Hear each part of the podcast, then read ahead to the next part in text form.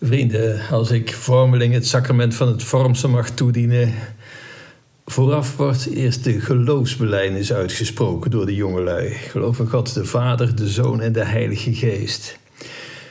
De Heilige Geest is altijd lastig. Wat vertel je erover? Hoe geef je er een beetje een beeld bij?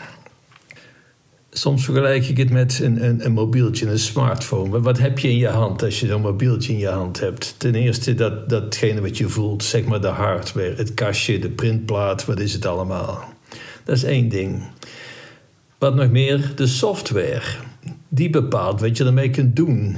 Je kunt nog zo'n degelijk kastje hebben, zonder software heb je er natuurlijk niks aan. En die bepaalt de mogelijkheden. En die jongelui weten beter wat de mogelijkheden van een mobieltje zijn dan ik. Dat hoef ik ze niet te vertellen. Maar dan heb je nog iets nodig. De hardware, de software. Je moet het wel opladen met nieuwe energie telkens. Met stroom, met een batterij. Want het kan nog zo'n goed mobieltje zijn en nog zo duur en extravagant. Als er geen stroom in zit, dan heb je er niets aan. De geloofbelijdenis. We geloven in God de Vader. Wat zeggen we van God de Vader? De schepper, de maker. Hij heeft de hardware gemaakt. De schepper van hemel en aarde. Al het zichtbare, tastbare. En het onzichtbare, maar tastbare, dat zien we. De schepper. En dan de zoon. Laat maar vergelijken met de software. Hij heeft laten zien waartoe een mens in staat is als je zijn voorbeeld navolgt. En dat is heel wat. Kijk naar de Heilige. En dan die Heilige Geest. Ja, dat is degene die energie geeft aan de kerk, aan het kerkelijk leven, aan iedereen, aan de sacramenten.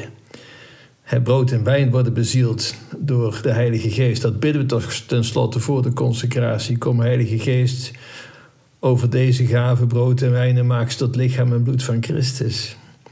Het is die Heilige Geest die gegeven wordt met het sacrament van het vormsel.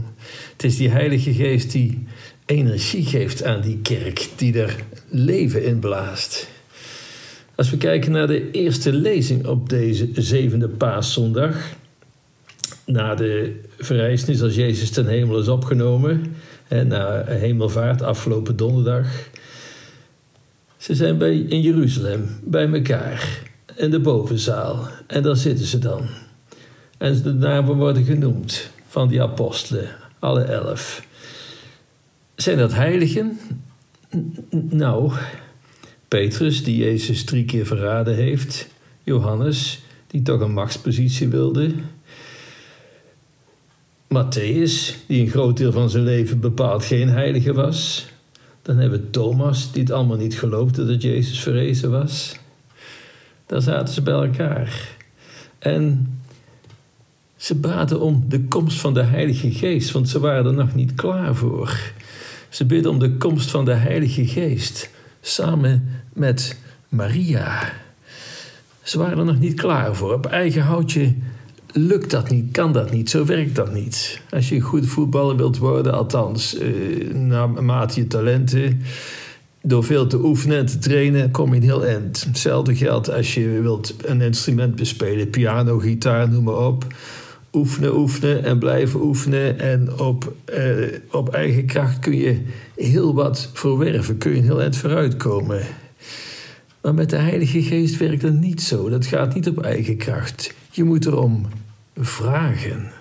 Je moet erom vragen. Veni Sancti Spiritus, dat is het gebed wat altijd van toepassing is. En dat gebed zou eigenlijk al onze ondernemingen moeten vergezellen. We kennen toch het prachtige evangeliefragment van Jezus. Hè? Klopt en u zal worden opengedaan. Zoekt en je zult vinden. Vraagt en je zult krijgen. En meteen daarna wordt er gezegd wat? De Heilige Geest zal u gegeven worden. En dat is vaak iets anders dan we vragen, maar het is wel hetgeen we nodig hebben. Klopt, en er zal worden opengedaan. Vraag om de Heilige Geest en je zult vinden. Vraagt en je zult krijgen. Het is die Heilige Geest die leven inblaast in de kerk. En die er toekomst aan geeft, die er hoop aan geeft. En al onze ondernemingen zouden de, vergezeld moeten worden door ons gebed om de Heilige Geest. Of het nou gaat om de liturgie, of de ziekenbezoek, of het jongerenwerk, of de catechese. Zonder die Heilige Geest zal het niet beklijven, zal het niet het hart raken, zal het eigenlijk niks doen. We zien uit naar die Heilige Geest. En eigenlijk is dat het hele doel van Jezus.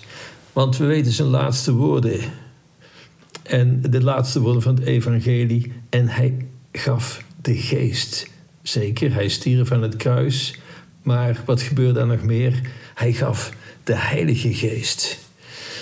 De Heilige Geest. En kijk ook nog eens naar de apostelen.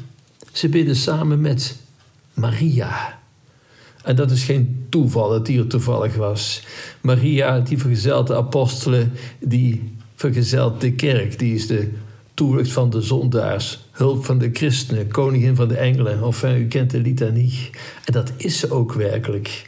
Jezus zegt niet van niks aan het kruis tegen Johannes: zie daar uw moeder. En ze geeft Maria aan Johannes, aan de kerk, aan ons. Volgende week is het Pinksteren. En die Heilige Geest, die doet wat.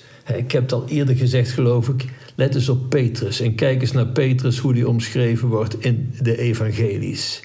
Dat is niet allemaal even zeker en, en, en vol vuur en wat dan ook. En kijk daar eens naar de handelingen van de apostelen, nadat de Heilige Geest over neer was gedaald.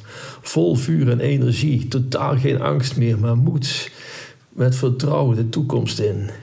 Makkelijk? Nee. Kun je het aan? Met Gods Geest is alles mogelijk.